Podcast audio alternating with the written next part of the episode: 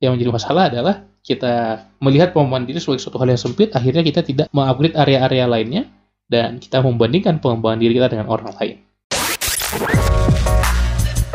Halo, selamat datang di podcast Cerita Pembelajar. Kamu akan mendengarkan cerita mengenai pengalaman, gagasan, dan pembelajaran.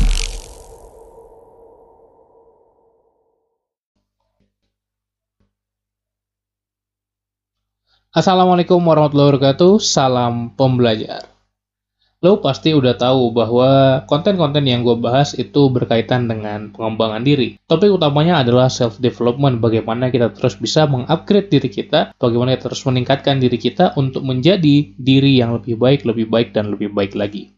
Dan gue emang seneng banget topik ini. Dari dulu emang suka aja gitu ngebahas tentang self-development, tentang pengembangan diri, productivity, dan topik-topik yang sering gue bahas gitu. Tapi sebenarnya apa sih sebenarnya self development itu dan kenapa banyak orang yang masih salah tangkep di bidang self development ini? Jadi self development itu adalah sebuah aktivitas yang membuat kita menjadi lebih hebat gitu ya, upgrade kapabilitas dan potensi diri kita. Kata kuncinya di sini adalah kapabilitas kita atau kemampuan kita, diri kita, potensi kita. Maka seakan-akan kita membesarkan tangki air kita gitu ya. Jadi kalau misalnya isi dalam diri kita adalah air gitu ya, dan kita ini adalah kontainernya, wadahnya. Nah, kita harus meningkatkan ukuran dari wadah tersebut, membuat wadahnya menjadi lebih besar.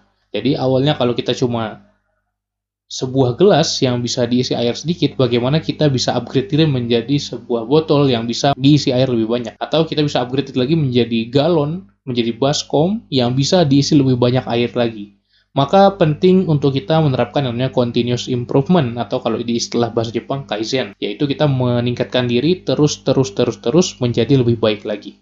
Continuous improvement adalah bagaimana kita mengupayakan setiap hari kita ada upgrade hal baru, upgrade hal baru, upgrade hal baru.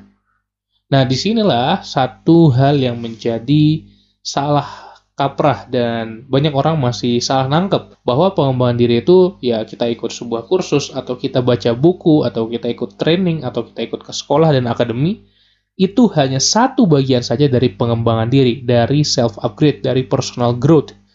Banyak lagi aspek-aspek lainnya dalam pengembangan diri, seperti physical, emosional, sosial, mental, spiritual.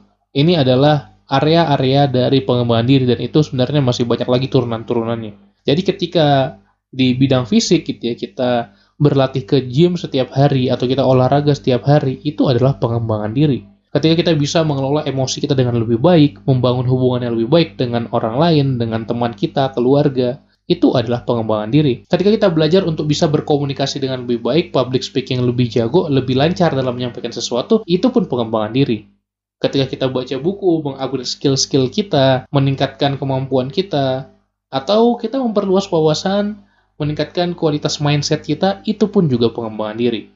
Bagaimana kita juga tilawah setiap hari di Ramadan seperti ini, bagaimana kita menghafal Quran, bagaimana kita bersedekah, bagaimana kita meningkatkan kualitas hubungan kita dengan Yang Maha Kuasa, itu pun pengembangan diri. Jadi dimensi pengembangan diri itu memang luas sekali, banyak sekali ruang lingkup. Mulai dari mendevelop critical thinking dalam diri kita sampai personal finance, mengelola keuangan pribadi kita, mulai dari bagaimana mengelola emosi kita, mengenali kepribadian dalam diri kita, memahami potensi diri kita, sampai kemampuan-kemampuan problem solving, creativity, dan mengelola orang, itu pun juga termasuk pengembangan diri. Maka, kesemua ini kita sebut sebagai holistic self-development atau holistic development atau sering disebut holistic growth atau pengembangan yang holistik. Holistik itu sendiri artinya kita mencakup semua bidang secara keseluruhan jadi kalau misalnya lo pengen mengembangkan diri, lo harus upgrade semua bidang itu. Tidak harus mengupgrade semua bidang dalam satu waktu. Lo bisa pilih satu bidang dalam satu waktu yang, oh gue mau upgrade di intelektual gue dulu nih. Atau gue mau upgrade di mengenal diri gue dulu nih, emotional intelligence-nya dulu. Atau gue mau upgrade di bagaimana karir gue terus berkembang. It's up to you. Dan gak ada masalah, jangan bandingin dengan orang lain gitu ya. Kita punya fokus masing-masing, semua perlu kita kembangkan, tapi setiap orang punya prioritasnya. Dan itu tidak masalah. Yang menjadi masalah adalah kita melihat pengembangan diri sebagai suatu hal yang sempit, akhirnya kita tidak mengupgrade area-area lainnya, dan kita membandingkan pengembangan diri kita dengan orang lain. Ya, namanya juga pengembangan diri gitu ya, yang berkembang, berkembang diri kita, kenapa kita harus compare dengan orang lain.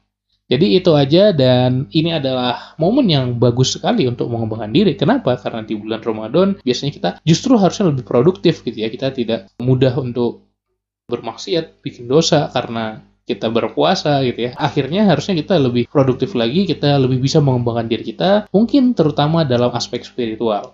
Jadi kita bisa lebih in charge lagi ke membangun hubungan kita dengan Tuhan yang Maha Kuasa, lebih tol lagi ibadahnya, lebih semangat lagi untuk meningkatkan amal-amal harian kita.